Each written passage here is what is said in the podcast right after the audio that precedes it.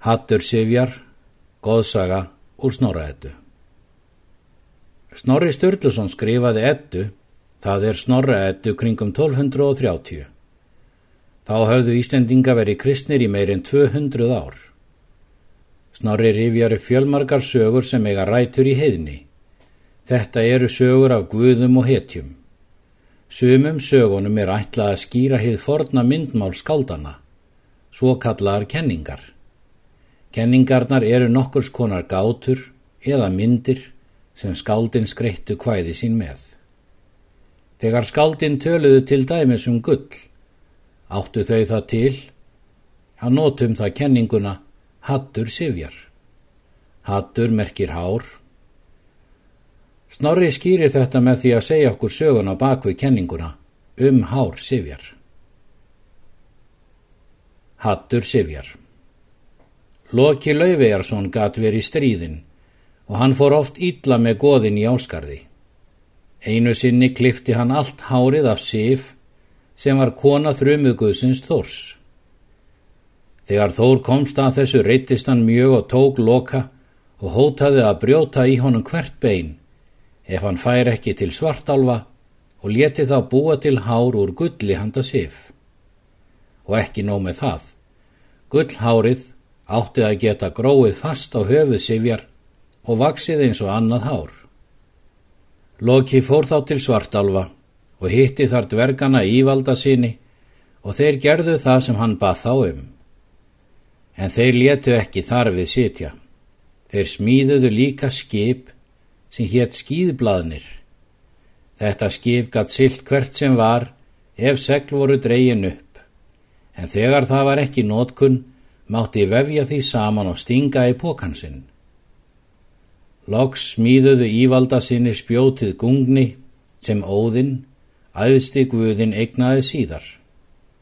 Þetta spjót var þeim eiginleikum búið að það misti aldrei margs. Loki var svo hrifin af þessum gripum að hann trúði ekki að hægt var að smíða neitt betra. Hann veðjaði því höfði sínu við dverg sem hétt brokkur að bróður hann sem eitri hétt gæti ekki smíðað þrjá jafngóða hluti. Eitri og brokkur gengunu út í smiðju og eitri setti svínskinn í eldstæðið og bað brokka blása í eldin með físibelg og bað hann að hætti ekki að blása fyrir en það kæmi úr eldstæðinu sem lagt hefði verið í það. Síðan gekk eitri út en brokkur hjælt áfram að blása. Þá settist flug á höndtónum og kroppaði, en brokkur blés eins og áður, þangað til smiðurinn kom og tók göllt úr eldstæðinu og var burstinn á honum úr gulli. Þessu næst lagði eitri smiður gull í eldstæðið og bað bróður sinn að blása og hætti ekki fyrir en hann kæmi aftur. En þegar eitri var gengin brott, þá kom fluga og settist á háls brokks og kroppaði nú halvu fastara.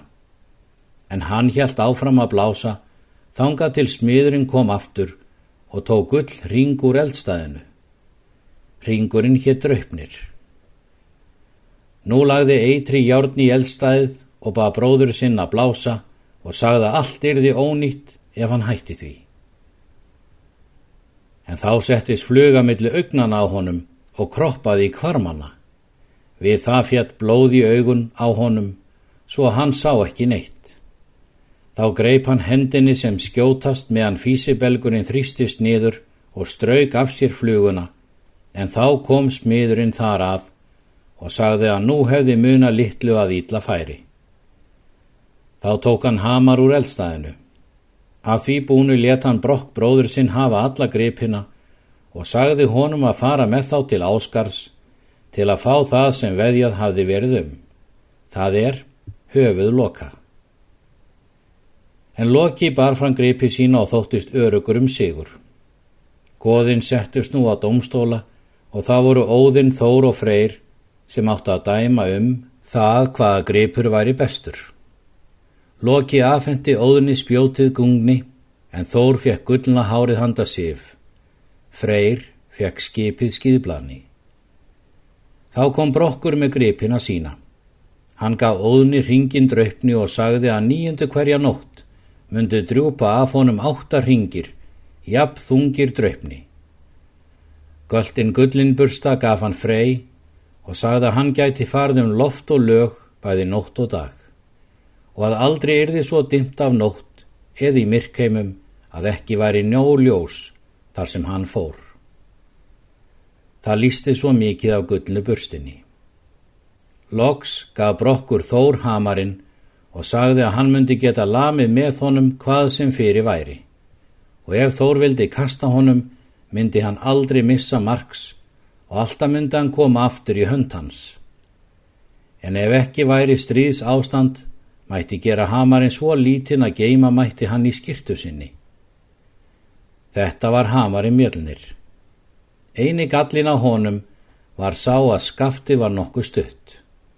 Það var vegna flugunar sem trublaði brokk, en þessi fluga var sjálfur loki sem gatt brugði sér í allskins gerfi. Nú hvaðu góðin upp þann dóm að hamarinn væri bestur af öllum gripum. Með honum mætti verjast jötnum og rýmþursum. Þannig vand verkurinn brokkur veðmálið og átti hann því að fá höfuð loka. Loki bauðst til að borga þeim bræðurum lausnar gjald til að missa ekki höfuðið, en brokkur tók það ekki mál. Taktu mig þá, saði Loki, en þegar brokkur ætlaði að taka hann, var hann á bakoburt, því að hann átti skó sem hann gatt laupið á bæði loft og lög. Brokkur bað þá Þór að taka Loka og gerði hann það. Dvergurinn vildi þá höggva af honum höfuðið en Loki sagði hann mætti það ekki því að hann ætti bara höfuðið en ekki hálsin. Þá tók dvergunin þveng og nýf og vildi sauma saman munnin og loka, en nýfurinn beit ekki. Þá mælti brokkur að betri væri alur bróðu síns og jafnskjótt og hann nefndi alin var hann komin til hans. Með honum var hægt að stinga gött á vari loka og sauma þær saman, en Loki reif upp úr götonum þannig að ekki tókst að sauma fyrir munn hans.